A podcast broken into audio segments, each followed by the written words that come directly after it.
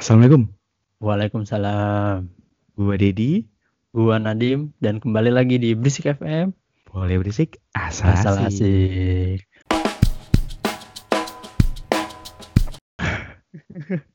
Gila Dit, gue kenyang banget sih ini tadi abis makan enak parah. Makan apaan lu? Lu pasti bakal kaget sih gue makan apa. Gue lagi kangen banget kan makanan Indo. Terus tiba-tiba kemarin gue lagi kerja dikirimin ini cuy, dikirimin lele. Lele Wah. plus salad, eh, salad-saladnya juga, lalap-lalapnya juga. Wah gila. Sambal. Parah sih. Gila gila gila gila gila. Enak Gua banget. mau dong lele. Eh, nih gua gua kirimin ya fotonya ya ke lu ya. Enak banget nih. Coba lu cek HP lu dah. Wah Eh, gila enak kan? Dim.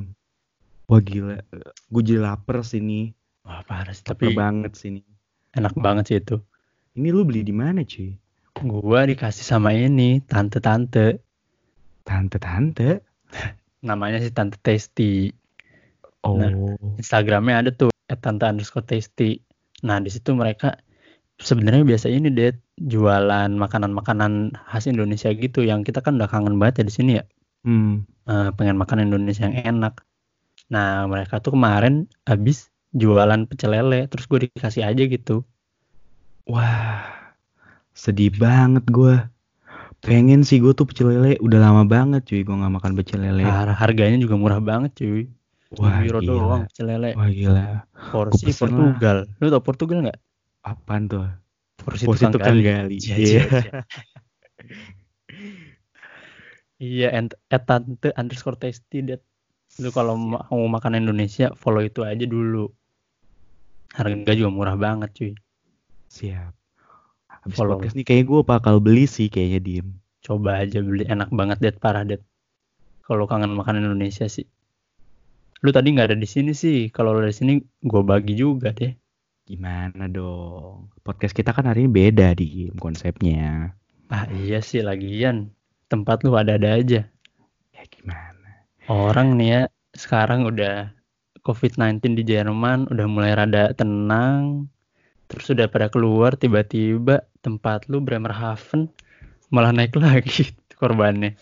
Ya gimana dong? Nah makanya podcast kita kali ini emang beda banget kayak biasanya. Kali ini kita LDRan. Heran, benar. Podcast kita kali ini via video conference dan tema yang kita bahas kali ini tentang COVID-19. Nah, kok bisa di tempat lu naik lagi? nah, kebetulan eh, untuk teman-teman yang nggak tahu nih, eh, Nadim sama Dedi kan beda tempat tinggal gitu ya. Nadim tinggalnya di Bremen dan Dedi itu di Bremerhaven. Nah, itu kota yang berbeda lah.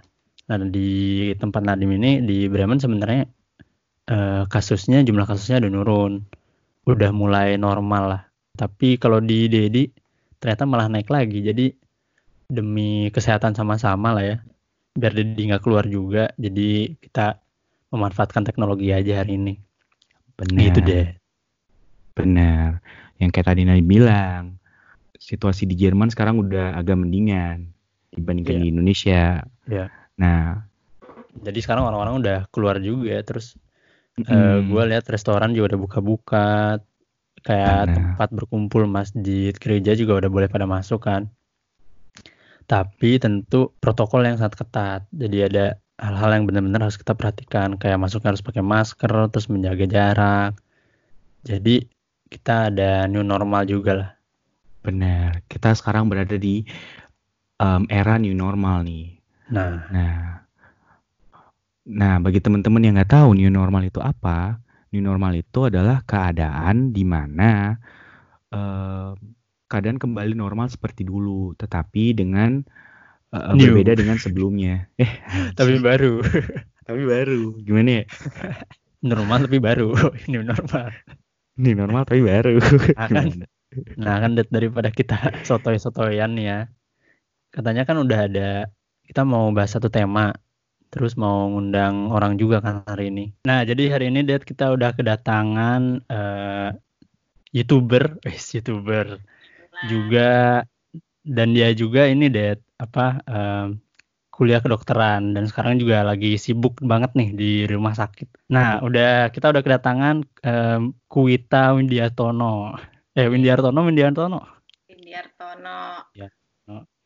Ya, makasih Kuita udah mau ngobrol-ngobrol sama kita di Berisik FM. Asik. Asik, asik. Bagus loh namanya. Gak bohong. Suatu kebanggaan lo buat gue. Gue tuh ngikutin podcast, eh podcast lagi. Uh, video lu udah dari awal soalnya di Iya, YouTube. Enak. Sebelum diserang gue dipuji-puji dulu ya. Iya. Dinaikin terus Emang- jatuhin. emang- Video favorit lu yang mana, Det? Yang yang dari YouTube-nya Kuita? gue tuh sebenarnya suka Yang review Bioderma. Enggak enggak. Gue tuh Iya. paling suka yang ini. Sebenarnya video paling favorit gue tuh yang pas bokapnya Mbak Kuita ini ceramah tuh pas Oh Idul Adha. Itu udah tahun berapa? Lagi dulu Adha lagi. Iya, gue tuh nonton dulu dulu waktu zaman zaman gue masih gabut banget kan, nggak sibuk, banyak gak sibuk tuh gue kayak nontonin video-video orang tuh, termasuk lu yang gue sering rajinin nonton. Wah, luar biasa. Boleh tampilin nggak videonya? Iya. Minta request banget. Editor, editor. Eh, Bisa, bisa. Editor, editor, tolong. Nah, kalau gua ini Det yang yang nonton kakak gua si Salma. Oh, Dia nonton yang gue bilang itu yang make up make up itulah. Oh, terus iya. sabun muka, skincare Skincare. gitu-gitu. Wi. Terus nemenin kan, nemenin belanja. Terus si Salma bilang, "Eh, aku pengen beli ini deh lah. Kenapa ya kata Kuita tuh ini bagus. Kuita siapa?" Gue bilang. Oh ini ada youtuber di Jerman. Oh ya nggak nggak. gue gue belum pernah nonton kan akhirnya. Ya saya tahu ini Kuita Kuita gitu. Terus eh udah kan ya udah beberapa tahun kemudian gua ini join jadi eh, lucu juga gitu kan pernah rapat nih Hmm. rapat SOI terus Iya. kita eh, disuruh ngelipet-lipetin tiket aja terus gua duduk Hmm. sebelahan sama kita kan nggak kenalan tuh tapi ngobrol aja ngobrol ngobrol ngobrol. Terus besokan harinya itu kan SOI eh, ngundang Ran ya Dit ya? Iya. undang Ran terus eh, besoknya tuh baru kita pertama kali eh, ketemu sama si Rannya si panitia SO itu. Nah Hmm. udah di situ baru baru kenalan hari itu.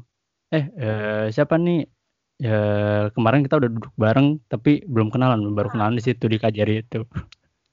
Ngobrol banyak tapi kagak kenalan cuy. Jadi kemarin pas dikasih tahu oh ya gua Kuita oh ini Kuita Kuita yang kakak gua bilang bertahun-tahun lalu tuh Bisa.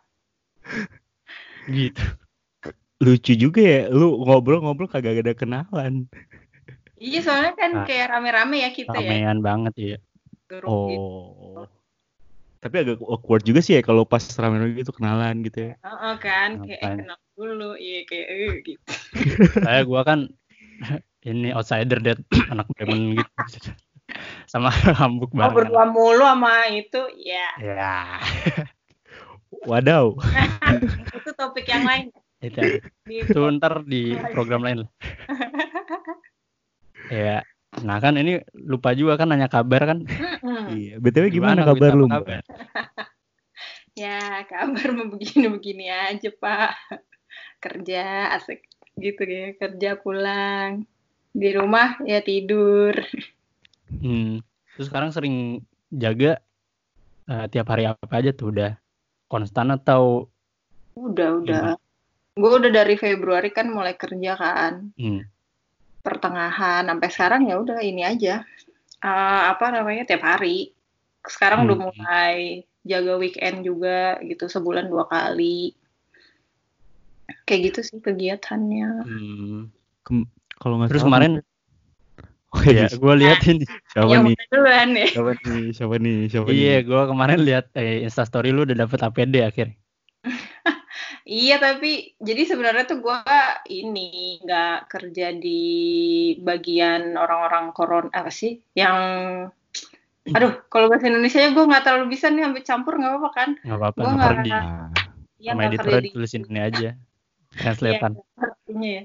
Nggak di stasiun yang isotimer sebenarnya. Ya jadi bukan iso bukan isostasiun jadi gue di yang biasa sebenarnya ya. Cuma kalau weekend gue tuh harus jaga di satu gedung. Nah gedung itu tuh ya ada orang-orang yang diisolasi gara-gara nggak cuma covid doang. Jadi kayak hmm. misalnya TBC atau influenza gitu mereka semua di lantai itu. Nah gue juga harus tanganin gitu jadinya ya kadang-kadang gue kalau misalnya weekend harus ke sana kalau misalnya hmm. mereka butuh sesuatu itu itu gue juga cuma mau nge-share aja sih karena kan kayak apa ya banyak banyak yang gue lihat kayak yang protes-protes lah APD nggak bener segala macem. Hmm. Kadang gue juga sebenarnya won apa namanya wondering aja apakah segitu perlunya pakai APD yang lengkap karena di kita tuh ya emang seminim itu. Tadinya itu tuh hmm. udah mendingan banget gitu. Tadinya kita ya cuma tipis aja kayak orang kalau besok ICU tau gak sih lu? Yang cuma hmm, sekali yeah, yeah. tuh tipis.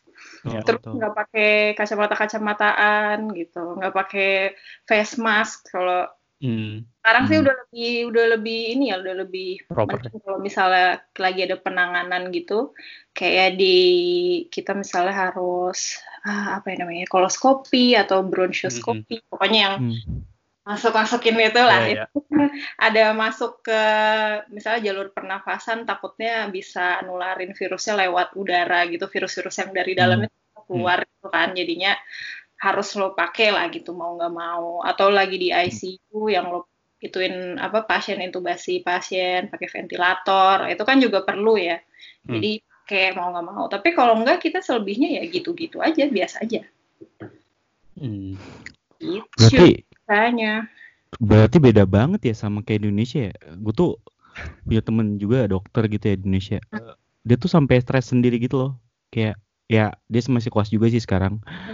Terus dia cuman dia cerita di rumah sakit Indonesia tuh sekarang lagi pada stres-stresnya gitu perawat apa segala macem yang nanganin pasien COVID kan. Hmm. Jadi berbeda berbanding terbalik banget ya sama di sini ya. Iya. Kalau dengar dari cerita lo. Um, gue nggak tahu segimana mereka di Indonesia ya cuma yang bisa gue um, share mungkin bedanya yang paling beda gitu ya dari penanganan COVID di sini sama di Indo tuh kalau di Indonesia soalnya kan orang sakit langsung ke dokter kan. Kalau di sini hmm. diwanti-wanti pokoknya dari awal kalau lo punya gejala begini begini begini lo jangan ke rumah sakit gitu. Yeah jadi harus stay di rumah aja. Jadi kayak apa istilahnya kalau di sini lebih ke dokternya yang nyamperin gitu hmm. kalau misalnya mereka punya gejala tapi ringan ya nggak yang harus bener-bener ada penanganan yang kayak infus apa sih infus lah atau yang sampai ventilator segala macam itu kan harus di rumah sakit tapi kalau yang emang hmm. bisa masih bisa dihandle di rumah gitu pasiennya masih dirasa kuat ya di rumah aja nggak boleh ke mana-mana gitu hmm. jadi lebih lebih kayak gitu jadi pasien itu ya gue mungkin nggak tahu juga kalau di kota-kota besar ya gimana mereka ribetnya tapi kalau di kota kecil kayak gue yang ada di sekarang yang ada di iso Zimmer itu kemarin terakhir gue jaga cuma satu aja yang benar-benar positif hmm. Gitu. sisanya mereka di rumah di rumah karantina hmm. di rumah gitu ya? Mm -mm tapi ya juga mungkin susahnya kalau di Indonesia kan kayak orang Indonesia itu kebanyakan mereka tinggal mungkin masih banyak sama orang tua ya. Jadi hmm. banyak kayak orang tua, anak muda semua kumpul di situ kan. Jadi hmm. mungkin takutnya itu ya kalau misalnya mereka isolasi di rumah sendiri pun susah gitu karena kan hmm. ya semua tinggalnya di tempat yang sama gitu. Hmm. Mungkin karena itu jadinya lebih semuanya ke rumah sakit. Gitu. Mungkin ya. hmm. ya buat gue. Yeah. membedakan. Iya bisa jadi juga sih mbak. Soalnya kan kayak ya kayak bener lu bilang tadi kayak satu rumah biasanya kan yang tinggal tuh langsung lima empat. Terus dalam satu kamar sendiri kadang biasanya yang tinggal di kamar itu langsung dua orang gitu kan. Hmm. ya. apalagi kalau yang tinggal di kos kosan Indo gitu kan. Wah. Wah repot banget kan. Mm.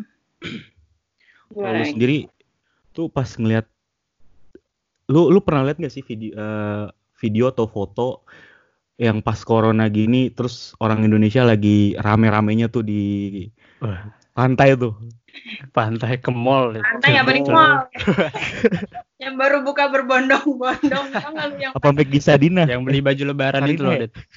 yang dieditin ada ini apa back soundnya Master Chef gitu tau gak iya begitu dibuka langsung pada lari gitu cuy. Iya, iya, kayak mau ngambil ini resep makanan iya, kayak gitu. Itu gua fix kocak banget sih.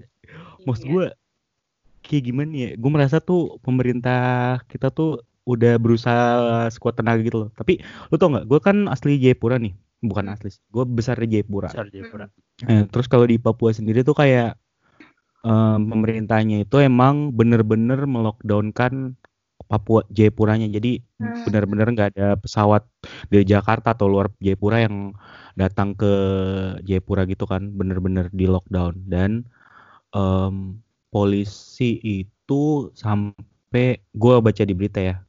Polisi itu kayak sampai keliaran-keliaran gitu di jalan-jalan, sampai mukulin pakai rotan gitu loh. Ya kayak di India dong berarti kalau orang pada kal Iya, soalnya kan kayak ya sebenarnya yang mereka lakuin kan baik kan Tang, gitu kan. Apalagi di Jayapura tuh kemarin gue liat eh, beritanya udah seribu sekian.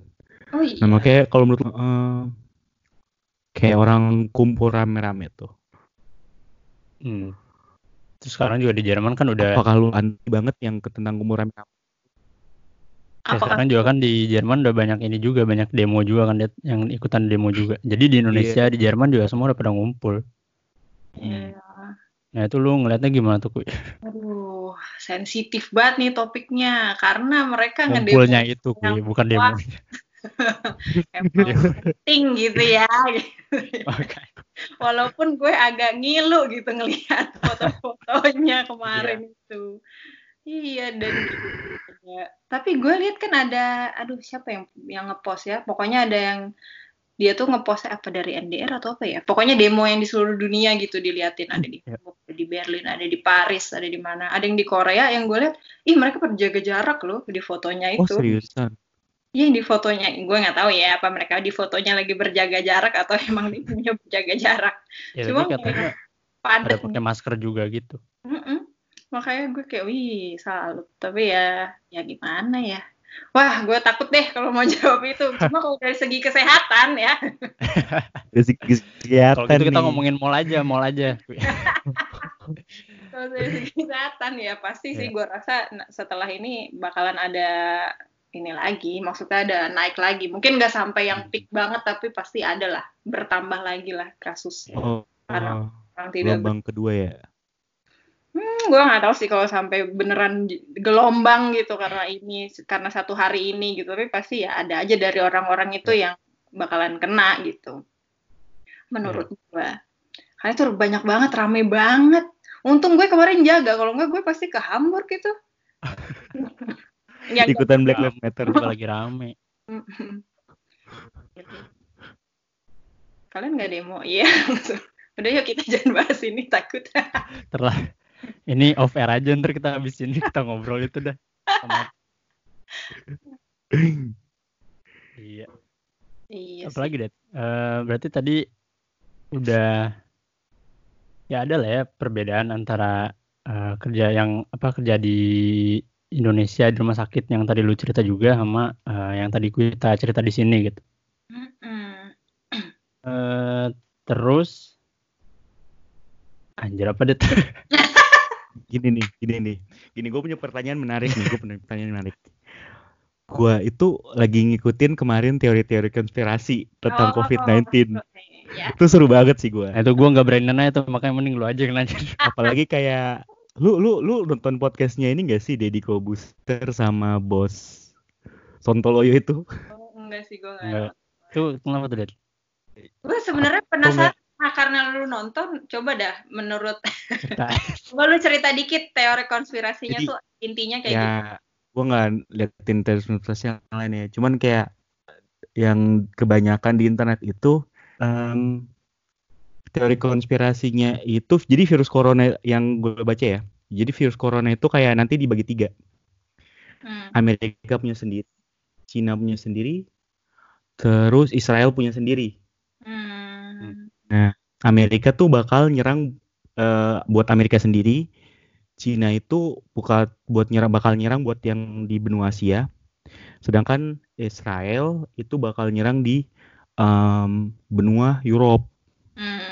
Nah, kenapa dari teori konspirasi ini kenapa tiga tiga mereka uh, mereka beranggapan kalau corona itu dibagi dari tiga tiga negara ini karena menurut mereka tuh pas mereka diteliti gitu kan yang hasil riset mereka bahwa kor virus corona di Indonesia, Amerika sama Eropa berbeda.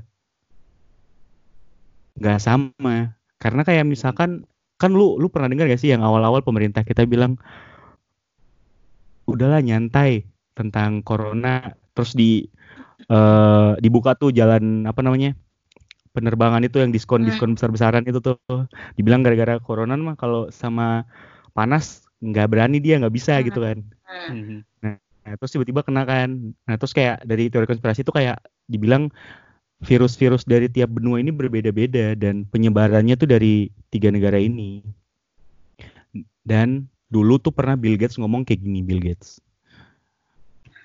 Suatu Kuat ya. saat ak- eh, ini perang dunia ketiga itu tuh bukan dimulai perangnya gara-gara an- antar senjata atau apa Mhm. tapi melalui perang eh, virus tuh perang virus Virus Dan ini kejadian. kali virus apa komputer tuh. Komputer. Kan dia tuh orang komputer. Semadap, semadap.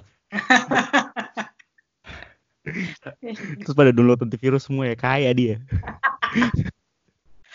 Ah, ya. Tapi lu Gue percaya kira sama gua nggak yakin sih lihat kuita percaya sama konspirasi-konspirasi gitu. ya siapa tahu kan Soalnya banyak nge- sih dokter-dokter yang percaya cuma gimana ya? Karena vir namanya virus, virus tuh kan makhluk hidup ya. Dia itu juga punya punya apa sih namanya semacam mekanisme juga bisa yang apa sih bertahan di suatu tempat gitu loh. Jadi nggak aneh kalau tiap virus di tiap eh, tiap benua tuh bisa beda. Itu menurut gua nggak aneh gitu. Karena dia punya kayak mekanisme sendiri juga untuk merubah dirinya. Kayak misalnya dia kan itu tuh bukan bukan bukan sesuatu yang harus dikonspirasikan dan harus di kayak bilang wah ini buatan dari Amrik nih atau buatan dari apa nih kayak gitu-gitu karena ya itu tadi menurut gua sih ya pasti beda lah tiap ini. Kayak misalnya influenza aja tuh tiap tahun beda influenzanya gitu. Jadi uh, vaksinnya juga tiap tahun beda jenisnya gitu. Karena ya mereka kayak tiap tahun kayak apa ya istilahnya kayak membelah diri membelah diri terus kayak menyesuaikan gitu lah. Wah gue tahun ini udah diinin vaksin yang ini gue tahun depan berubah jadi apa gitu. Istilahnya gitu ya secara gampangnya. Mhm. ntar Iya, dokter-dokter pada memprotes gue lagi. Ngomong apa nih orang Iya, iya. Ber- gitu. berarti udah terpatahkan lah ya teori konspirasi yang dari tadi gue ngomongin itu coba deh. Tapi lu ada percayanya emang dia sebenarnya yang konspirasinya yang gue dengar justru yang kayak ekonomi yang kayak ini semua bikinan pemerintah aja. Dia mau meng apa sih mau nyeting ekonomi negara atau apalah gitu gitu loh. Jadi dengan cara yang kayak gitu. Ya itu yang gue denger sih. Nah kalau itu gue nggak bisa jawab karena itu kan dari segi ekonomi, ya. cuma Hmm. kalau misalnya dia em, bilang virusnya itu buatan nah itu gue yang agak-agak kesel gitu maksudnya maksud gue kayak mau buatan kayak mau apa virus itu tuh ada gitu orang yang sakit tuh ada gara-gara itu Iya. gitu itu yang bikin Hmm. gue kayak yang ya udah sih gitu maksud gue kalau misalnya orang cuma heboh-heboh ya ada virus corona gini segala macam tapi misalnya kagak ada yang mati yang mati itu ternyata orang-orang yang dibayar gitu kan nah itu baru dibayar orang mati gimana? orang dibayar buat mati ya boleh lah protes gitu Iya, iya. Tapi maksudnya ya nyatanya ada orang yang sakit ada juga orang Dan lu pun udah ngelihat juga gitu ya, walau nggak eh, langsung berhadapan sama mereka gitu. Iya, gue waktu itu pernahnya ini punya pasiennya dia setelah setelah udah dari ICU tuh Hmm. ternyata sembuh lah gitu. Jadi dia yang cukup parah ininya verlaufnya itu dia tuh. Jadi masih berapa ya umurnya tuh masih 40-an lah. Hab- Mau-mau 50 gitu di Hmm. bapak-bapak ini nggak punya penyakit kan katanya katanya kan kalau corona tuh em, yang orang muda itu kan nggak terlalu parah itu kan verlaufnya. Tapi ini nyatanya dia lumayan parah karena um, dia nggak punya background penyakit apa pun bapak hmm. ini kayak sehat walafiat lah gitu tiba-tiba mana lagi dia tuh sebenarnya bukan orang Jerman dia kayak orang Eslan gitu yang jadi hmm. sopir LKW lagi lagi nyopir lah istilahnya lewatin daerah Jerman gitu terus hmm. tiba-tiba lagi di lagi kayak di parklet itu dia pingsan gitu kan hmm, sama polisi terus habis itu dibawa ke rumah sakitnya yang paling dekat kan rumah sakit kita terus habis itu kayak ternyata pokoknya pernapasannya jelek segala macam lah langsung di ini kan karena kita kayak udah apa takut-takut gitu dia punya punya apa namanya simptom yang kayak kayak covid gitu akhirnya ya udah langsung mm -hmm. periksa ternyata bener covid terus um, tapi dia nggak bisa di isolasi stasiun karena nggak kuat napasnya akhirnya ya udah dia ke ICU harus di ventilator itu yang dibolongin sininya tuh tracheostoma. Terus di nggak sadar tuh kan kalau di tracheostoma itu kan dia ya udah hmm. nggak sadar aja. Terus tiba pokoknya selama berapa total dia 42 hari itu di ICU nggak sadar. Sampai uh, pernah juga kayak nggak tahu di hari keberapa tiba-tiba dia jantungnya berhenti aja sampai harus direanimasi apa sih reanimasi itu apa? Uh, CPR hmm. di CPR kan. Terus habis itu harus pasang alat buat uh, pemacu jantung gitu. Gitu. Jadi lu bayangin lu lagi nyopir lo tiba-tiba kayak ngerasa aduh hmm. kayaknya mungkin awalnya dia batuk-batuk atau gimana gitu. Terus lu pingsan. Bangun-bangun tuh udah bulan depan terus lu udah punya alat pemacu jantung di sini yeah. bolong. Terus lu nggak ngerti ini orang ngomong apa gitu. Ternyata yeah. Herman gitu gimana coba perasaan? Bangun-bangun kayak jadi ro Robocop gitu ya? Kan ya, lu Iron Man apa nih? Gitu. Terus habis itu kayak kan udah nih uh, setelah lama dirawat gitu hmm. terus uh, sembuh nih pasiennya. Habis dia uh, di itu di stasiun gue yang biasa kan. Gue di Paru hmm. kan terus dia tapi ya ini ternyata karena lama di ICU tuh ada kayak efek sampingnya dia tuh nggak bisa karena lama nggak bergerak dan segala macam tuh loh kayak kakinya hmm, sulit kan lah gitu ada polineuropati gitu kan tangannya bergetar-getar gitu jadinya ya udah harus dirawat lagi lama tuh. Dia totalnya dua bulan dia di rumah sakit gua setelah dia pulang juga tapi nggak pulang ke rumah dia harus hmm. um, rehab lagi di tempat lain. Dan itu dia nggak ketemu keluarganya Set. tuh selama itu. Sama. Nggak berapa lama tuh? Dia kan lagi. Terakhir-terakhir dia udah bisa halo dan dangke doang. Awalnya kayak gak bisa usia di rumah alhamdulillah. Oh, oh, oh. gila amat ya. Jadi gimana lu masih percaya konspirasi nggak tuh? Nah, tuh sudah ada real tuh masih real. gue tuh masih 50-50 gitu karena kayak yang gue bilang tadi yang tentang Bill Gates ngomongin kalau bakal ada perang virus kan. Hmm. Terus tiba-tiba kejadian. Hmm. Dan kan menurut gue sesuatu yang aneh gitu loh. Yang kayak wow mind fuck gitu ya. mind blowing nih. Mind blowing gitu. Ya, itu dia sih. Tapi juga maksud gue terlepas dari ini beneran virus ya dari mana datangnya ya. Ya virus itu ada gitu. Hmm. Kita hmm ya mau ya mau nggak mau ya harus gimana sih harus jaga gitu. Iya. Lo kagak bisa cuma kayak ya nih konspirasi konspirasi kagak ngapa-ngapain. Mati juga ntar. Kenapa emosi banget ya? Mohon maaf. Silakan keluarkan lagi unek-unek. Ada yang kurang. Tapi emang emang sedikit selin juga sih ngelihat orang-orang kayak santai aja gitu nanggepinnya. Nggak pakai masker terus uh, banyak juga yang batuk sembarangan gitu kayak kadang suka kesel aja kena ngira ah udahlah kagak ada nih virus. Terus gue pernah di Jerman ya di Jerman aja gue pakai vir eh pakai virus pakai masker. Gue ma gue pakai masker di luar kan.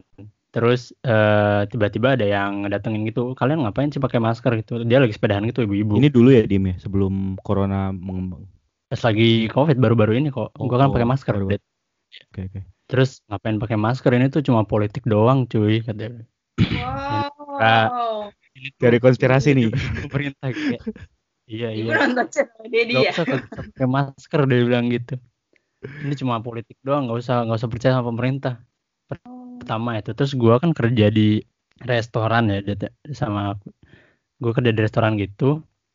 Terus sering banyak banget tuh kunden yang kayak eh, besueran gitu kayak yang ngeluh kenapa sih restoran-restoran pada tutup terus mereka langsung ceritanya tuh asli politik doang gue benci sama pemerintah aja mereka tuh bener-bener ngira kagak ada ini virus cuman iseng-isengan pemerintah aja cuman di satu sisi ya kayak denger yang tadi cerita Kuita gitu terus ngelihat emang banyak orang yang mati sih ah kayaknya enggak ada yang konspirasi deh gue nggak mungkin sih Tapi lu tau nggak awal-awal oh, sorry. Eh nggak apa-apa sih. Oh. Enggak awal-awal awal-awal virus ini berkembang kan orang-orang tuh pada ketawain tuh. apalagi di Awal-awal. Indonesia ya. Enggak, yang waktu di Wuhan itu yang kena kan. Awal tuh pada ketawain kan. Terus habis itu berkembang berkembang berkembang. Puncaknya itu kalau di Europe pertama kali yang di Italia tuh. Hmm. Hmm. Italia. Terus yang ke- kejadian kocaknya, yang paling kocak waktu itu em gue inget banget pemerintah Bayern udah bilang kalau Bayern tuh mau di lockdown Hmm. karena virus yang dari Italia gitu kan. Mm-mm. Terus yang kocaknya beritanya tuh em, jadi ada perusahaan gitu lagi bisnis meeting di mana kayak misalkan orang dari Italia, Hamburg, Munchen gitu-gitulah. Em, pas lagi bisnis meeting di Hamburg nih. Terus pas orang Italianya balik dari Hamburg ke Italia, ternyata pas dites kena COVID. Jadi Hmm. orang yang apa namanya yang di bisnis meeting itu kena COVID semua. Hmm. Terus ada yang berita yang kalau ini em, ada dokter anak habis jalan-jalan deh kalau nggak salah ke Italia. Oh, iya tuh di Hamburg. Iya kan di Hamburg ya. Hmm. Terus habis itu dia nge eh, apa pasien gitu loh. Ada kunjungan pasien, terima kunjungan pasien, anak-anak Hmm. lagi kan semua kan. Ternyata dokter itu kena COVID dan anak-anak yang eh, para pasiennya yang anak-anak itu semua kena COVID. Wah itu sedih banget sih itu. Hmm. Hmm. Iya. Jadi Bikin- masih 50-50 nggak Dit? atau udah 75-25? 50-50 tetap still 50-50. Teori konspirasi. Iya, karena em, yang gua dengar-dengar juga alasannya kayak yang ya apa ya mungkin mereka tuh virusnya mereka percaya gitu kalau virus itu ada. Cuma kayak reaksi pemerintah ini loh yang mereka anggapnya tuh terlalu berlebihan gitu. Karena Hmm. kayak influenza juga tiap tahun banyak yang meninggal, tapi Iya kayak tuh, ramai banget tuh dulu awal-awal. enggak gitu loh. Maksudnya kayak lebih ke situ loh. Kayak kenapa lu harus mematikan ini gitu dengan apa hanya karena virus si COVID ini doang gitu. Cuma ya ya itu dia. Mungkin karena baru ya virusnya jadi orang-orang ya takut aja gitu. Hmm. Belum ada ini ya vaksinnya ya. Mm-mm. Cuma ya gitu deh karena juga mungkin orang mi- mikirnya ya namanya virus ya lo cuma harus jaga antibody lu lah nggak perlu sampai lo kayak giniin kayak gitu gitu loh mungkin ya Hmm. makanya Terus kan tadi lu cerita ku eh, masuk ke yang tempat sekarang tuh kan dari Februari ya. hmm. Pertama kali jaga Februari terus tiba-tiba dapat kabar kalau tiba-tiba ada pandemi nih. nih Tuh perasaan lu gimana tuh pertama kali masuk terus tiba-tiba wah buset ada pandemi nih di dunia lagi bukan di Jerman doang. tar ya Apakah ada penyesalan gitu? Karena sejujurnya gua di lungan klinik itu tuh gua yang mau gitu jadi gua kan dan dulu pas koasnya ada juga deket-deket sama paru-paru kan nih. Iya. gue kan eh koasnya kan di situ di rumah sakit itu. Terus gue tuh Hmm. ngerasa paling paling enak tuh di di paru gitu di lungan klinik itu. Terus jadi gue pikir ah gue mau mulai di situ dulu ah karena gue udah kenal sama orangnya. Terus kayak apa orang-orangnya baik gitu-gitu kan. Jadi pas daftarku gue udah kayak kan ditanya lu mau mau di mana mulainya? Paru ya. Dengan dengan PD-nya ya. Iya, terus ada itu kan habis itu gue kayak shit ini apa jadi dengan gue yang newbie. Gitu. Itu kan Iya. sebulan sesudahnya kalau nggak salah ya? Mulai rame. Eh Iya, kasus mulai. pertama di Jerman tuh ya? Betul betul. Gue Februari pertengahan juga kan, terus kayaknya baru Maret sih yang kayak kita bener-bener yang um, tadinya kan setiap pagi kita pasti ada operan pagi di ruangan gitu kan, di ruangan semua orang ngumpul, terus bahas eh, apa pasien-pasien lah segala macam itu sampai kayak kita up hari ini kita nggak ada ya gitu untuk mencegah lah gitu. Terus Mm-mm. sampai kayak tadinya kan Jadi di lantai bawah itu kita ininya kan emang kayak kamar pasiennya segala macam, di lantai atas tuh ambulans gitu. Jadi pasien-pasien yang datang emang cuma buat kontrol, buat apalah itu yeah. ke sana sampai ada tulisan tiba-tiba kayak ada papan, nih orang-orang yang punya simptom gini-gini gini, please jangan masuk gitu kan. Hmm. Terus sampai akhirnya kayak ya udah orang-orang di ambulans semuanya harus pakai masker gitu kan. Terus habis itu hmm. sampai akhirnya ke yang kita juga yang kerja gitu. Tadinya kan enggak. Hmm sekarang kayak kita yang kerja terus um, waktu itu ada kejadian nih di oh, di di klinik lain gitu di bagian kardio itu ada yang habis liburan ski urlaub ya dari hmm. dari dari deket-deket Itali sono nah Aduh. datang tuh gimana operan pagi ternyata dia habis itu dibilang kan gue tapi kayaknya nggak enak badan nih langsung dipulangin tuh kan sama sama bosnya ternyata dia kena covid tapi nggak yang parah gitu loh jadi yeah, yeah. cuma di rumah aja cuma orang-orang yang lagi yang ikutan apa namanya operan pagi itu mereka semua harus dikarantina dong jadi 14 hmm. hari itu dokter-dokter yang ikut operan itu nggak boleh kerja gak gitu boleh kerja.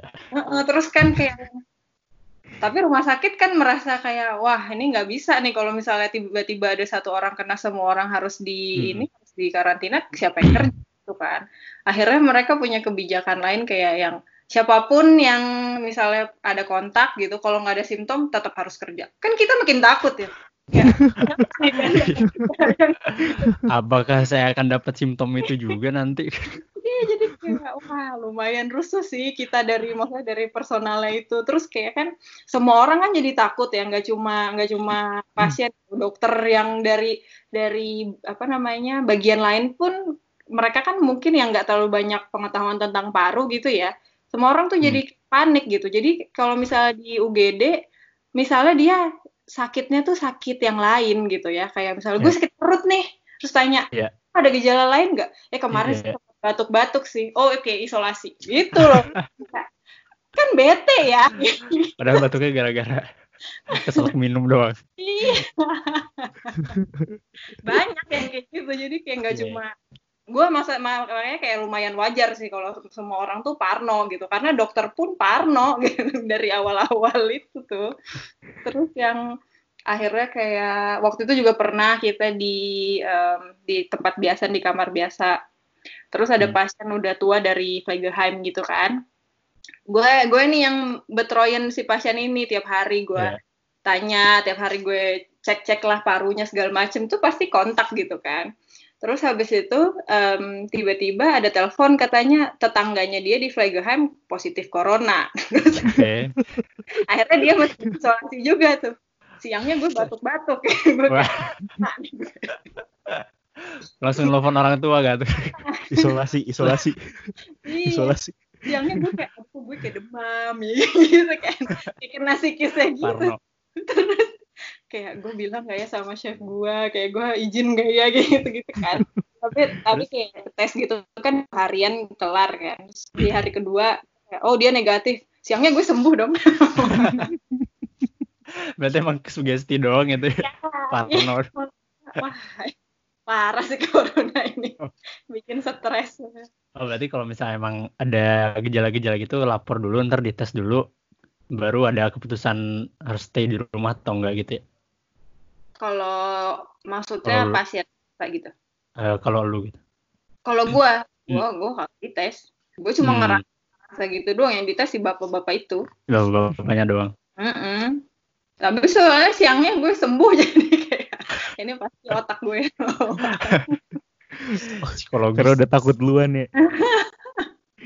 Emang kayak ya gitu deh. Jadi ya apalagi ya yang ber, berubah dari rumah sakit setelah itu kalau sekarang oh iya sekarang sih kita dari pokoknya dari sejak yang benar-benar harus apa namanya aware gitu sama orang-orang yang punya simptom itu terus hmm. Yang kayak pasien yang kan ada pasien yang datang tuh misalnya hmm. untuk penanganan gitu yang elektif datangnya kayak udah punya termin gitu kan ke rumah sakit yang enggak ya. benar-benar akut gitu loh itu juga semua kayak dipospon gitu hmm sebenarnya kayak yang sedih juga sih karena kan maksudnya walaupun dia nggak akut tapi ya dia juga butuh gitu kan yeah. cuma ya untuk menjaga aja jadinya mereka semuanya terminnya diversiben terus kayak um, yang besok juga nggak boleh sama sekali di awal-awal nggak boleh sama sekali ada yang datang kecuali kayak orang-orang yang kayak kena kanker yang udah Mhm. sekarat gitu boleh tuh nemenin tapi itu juga kayak cuma sehari sejam dan cuma satu orang kayak gitu jadi ya lumayan sedih sih sebenarnya ya Iya. kalau sekarang Jadi sih bener-bener orang pada ngeprioritasin COVID ya. Mm-mm, gitu. Kalau kita sih, kalau rumah sakit gua kebetulan karena kayak dari awal udah kayak ngelihat, wah ini takutnya ada gitu. Mereka ngejaga gitu loh, takutnya ada kayak apa sih pembludakan lah gitu istilahnya. Jadinya Iya. kan emang nyiapin ruangan banyak gitu. Walaupun kayak sampai sekarang nggak yang kepake-kepake banget semuanya. Hmm. Kayak gitu. Tapi Lebih ke- sekarang dokter-dokter juga di di mana pun, maksudnya di Jerman nerima ini kan nerima telepon gitu ya. Jadi maksudnya kalau misalnya ada keluhan bisa lewat telepon aja nggak, supaya nggak datang ke rumah sakitnya gitu. ada ada hotline-nya kan, COVID. Hmm. COVID gitu. Setahu gue di Indonesia kata temen gue yang dokter juga ada, cuma nggak tahu Hmm. maksudnya pem- penggunaannya gitu kayaknya mungkin karena banyak yang nelpon juga ya, jadi mungkin Ya. lama gitu kan ininya dia tanggapnya dan orang-orang mungkin kayak ah udah nggak sabar cabut lah gitu. Ya. Gitu. Hmm. Padahal tuh menurut gue paling bahaya justru kalau lo ya itu memutuskan untuk cabut ke rumah sakit Iya. karena ya di situ penyebarannya gitu menurut gue ya kalau di Hmm. Indonesia lebihnya karena semua orang pengen ke rumah sakit kan. Gitu. Jadi kalau emak gue tiba-tiba kayak Pak gue juga tuh suka parno-parno gitu tuh, terus pasti kan ngechat gue dulu kan, dek kok ibu kayaknya gini ya, gini ya, gitu. Hmm. pasti kayak jangan ke rumah sakit. Hotline keluarga. gue malah takutnya nanti di rumah sakit malah kena. iya, iya. Mungkin ini kali Mbak, kalau di di rumah terus kayak merasa kayak gitu parnoan kan. Terus Gimana? tetangga dengerin, takut tetangga ngomongin tuh Mbak. Oh iya ya Ada kalau di tuh. Ada tekanan batinnya ya. Iya, ada kan tuh. em, lu pernah baca cerita nggak sih tentang mayat kok mayat orang yang kena COVID nggak diterima sama Iya. masyarakat di demo? Stigma Iya, itu ya. Wah, itu sedih banget, cuy. Banyak banget sih. gue nggak ngerti sih kenapa sih coy, udah mati juga masih susah gitu loh. Iya. Gue bingung. Maksudnya kan ya kayak dia virusnya kan kagak terbang itu sih kayaknya mungkin mungkin ya Hmm. yang agak kurang itu di Indonesia ya itu edukasi gitu kan. Harus tahu banget sebenarnya nih COVID virus seperti apa, terus cara penularannya gimana gitu yang kayak kita harus lakuin tuh kayak gimana itu kayaknya masih kurang banget sih. Dan yang gue lihat juga di Indo tuh lebih ke mas namennya tuh lebih ke apa ya hal yang sepele-sepele gitu loh kayak satu mobil Hmm. itu nggak boleh duduk sebelahan itu menurut gue tuh kayak itu nggak penting menurut gue lo mesti menjaga orang Iya. yang masuk ke mall ya jangan abruk-abruk gitu daripada Iya, iya. di dalam satu Iya, mobil iya. Mesti pisah gitu itu Iya, iya. sini kan menurut gue Kalau sini kan kalau mau masuk ke tempat perbelanjaan atau kayak ke IKEA gitu-gitu kan bener-bener ngantri panjang banget pakai jarak. Lebih baik begitu daripada kalau yang di video yang di mall itu kan kayak orang tuh bener-bener udah nunggu ramen kayak mau masuk ke konser gitu ya atau ke Master Chef itu tadi yang lu bilang itu. Parah cuy. Maksudnya gitu aja nggak ditertibkan gitu cara eh, ngantrinya aja. Iya maksud gue kayak Sebenarnya itu yang gitu-gitu sih. penting gitu daripada kan gue juga pernah lihat tuh ada video orang lagi di jalan kayak di jalan di Jakpus kali ya dia Hmm. kayak di stop sama polisi karena duduknya kayaknya sebelahan apa ya maksudnya di depan ada dua dan si bapak itu nggak pakai masker kayaknya ya Iya, karena iya. kayak yang di videonya tuh udah di tengah-tengah gitu loh si bapak-bapaknya kayak udah keluar terus udah marah-marah gitu Hmm. Habis itu em, si bapak polisinya yang gue denger tuh dia lagi ngomong gini, iya pak dari jalan di sini tuh udah harus wajib pakai masker gitu. Dia ngomong gitu si bapaknya. Iya. Terus si bapak polisinya, terus si bapak bapaknya kayak marah-marah gitulah. Terus yang yang gue tangkap kayak dari jalan sini udah wajib pakai masker. Berarti jalan sebelumnya Sebelumnya gimana? Bagaimana? ada corona tuh. Iya, Jadi sebelumnya kayak yang sepele banget gitu yang diituin. Maksud Hati-hati, daerah wajib masker, ada corona. kayak Eh, sebelumnya nggak kagak ada corona, di sana ada slow slow. Berapa meter dong? Iya terus kan eh, yang gue bingung juga apa ya kalau di sini kan kalau orang di mobil ya kalau nggak salah lo nggak nggak usah pakai masker gitu kan. Hmm. Enggak. Kalau misalnya masih satu rumah gitu ya karena kan Ya. Udah sering bareng juga Sowizo. Ya, itu dia, ya itulah. Nggak tahu deh gue. Semacam deh Indonesia. yang paling lucu Cinta. ini sih yang ada orang eh kagak bawa ma- kagak dia bawa masker, cuman nggak mau pakai masker udah di udah dikasih tahu kan sama security Pak, mohon maaf nih harus pakai masker karena lagi gini-gini. Hmm. Malah berantem cuy. Berantem sampai tonjok-tonjokan gitu gara-gara nggak mau pakai masker doang. Padahal tinggal pakai masker gini doang pakai Iya, masker. iya. Kayaknya Gue kalau jadi dia lebih baik pakai masker daripada berantem tonjok-tonjokan gitu asli. lebih ke pride-nya yang merasa Iya. tersakiti ya. Ngapain gitu. Terus ada tahu Iya. nggak gue denger juga katanya em, kayak di bank gitu kan lo harus pakai Iya. masker. Hmm. Cuma orang yang masuk katanya minjem maskernya ini bapak satpam sama tukang parkir gitu. Kata bapak tukang parkirnya kayak udah ada 15-an yang pinjam masker saya. gue nggak tahu bener Bisa- apa enggak tapi Bisa kayak jadiin bisnis juga tuh lumayan tuh tukang parkir. iya sih. Gue kalau jadi dia gue siapin satu lagi penyebaran virus itu tapi dia tetap aman gitu. Iya. Macam-macam lah. Joki sekarang udah muncul ini ya, joki masker ya. jadi ya. Tapi maskernya udah dipakai sama dia bohong cuy. Penyebaran Ya, virus gak juga. apa-apa dim. Joki, ayo ayo ayo daerah wajib masker. Corona di sana. Ada joki, joki masker mau pak? Mau mau mau. Yang penting gue bisa ambil duit ke bank. Aduh. Ya, ya lucu-lucu deh. Saya Iya. cinta Indonesia. Tapi lu kui, katanya mau ini eh, nanti udah bikin konten tentang covid juga katanya. Iya sih, gue bikin kemarin kayak mau apa ya? Ya mir- sebenarnya ada hal yang tadi gue sudah ceritain kayak pasiennya itu gue kemarin juga bahas sama kayak gue memberi apa sih? Kayak nge-share apa aja yang maksudnya yang kita lakukan lakuin di Jerman gitu agak-agak mirip sih sebenarnya. Hmm. kayak selama ini gitu loh kenapa kayak Jerman kok bisa bisa kayak angkanya rendah banget kayak gitu ya nggak tahu sih walaupun Ya. sekarang mungkin nanti nambah lagi ya gara-gara ini locker room itu At ya At least ntar lu bakal share info di YouTube lu lah ya. ya ada juga lah Siap. tapi nggak tahu sih kapan dieditnya kalau udah pasti tidak diedit sama sekali Biar tahu mending subscribe dulu lah ya nah, boleh YouTube-nya. Ya, Di Subscribe kita. Wita Windiartono ntar di bawah ya di mana di situ lah. Di mana. Iya. Langsung aja di subscribe.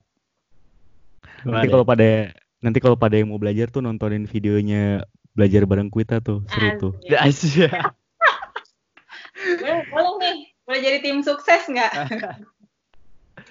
Kalau kalian sepi kan, bete belajar sendiri nggak ada teman, mending setel aja tuh video belajar bareng Kuita. Iya. Ada yang lagu Podomoro ya? Iya. Podomoro Club. Aduh Podomoro. eh. Itulah. Boleh lah. Iya. Mau lah. Siap, siap.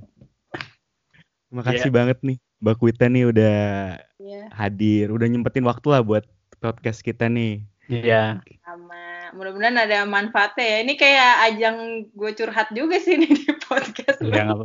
Mungkin kan ini curhat tentang pekerjaan ya. Mungkin ntar kalau misal mau curhat tentang yang lain gitu ya, Det. Saya diundang, saya hadir lah. iya siap. Siap. Langsung ke program yang satu lagi.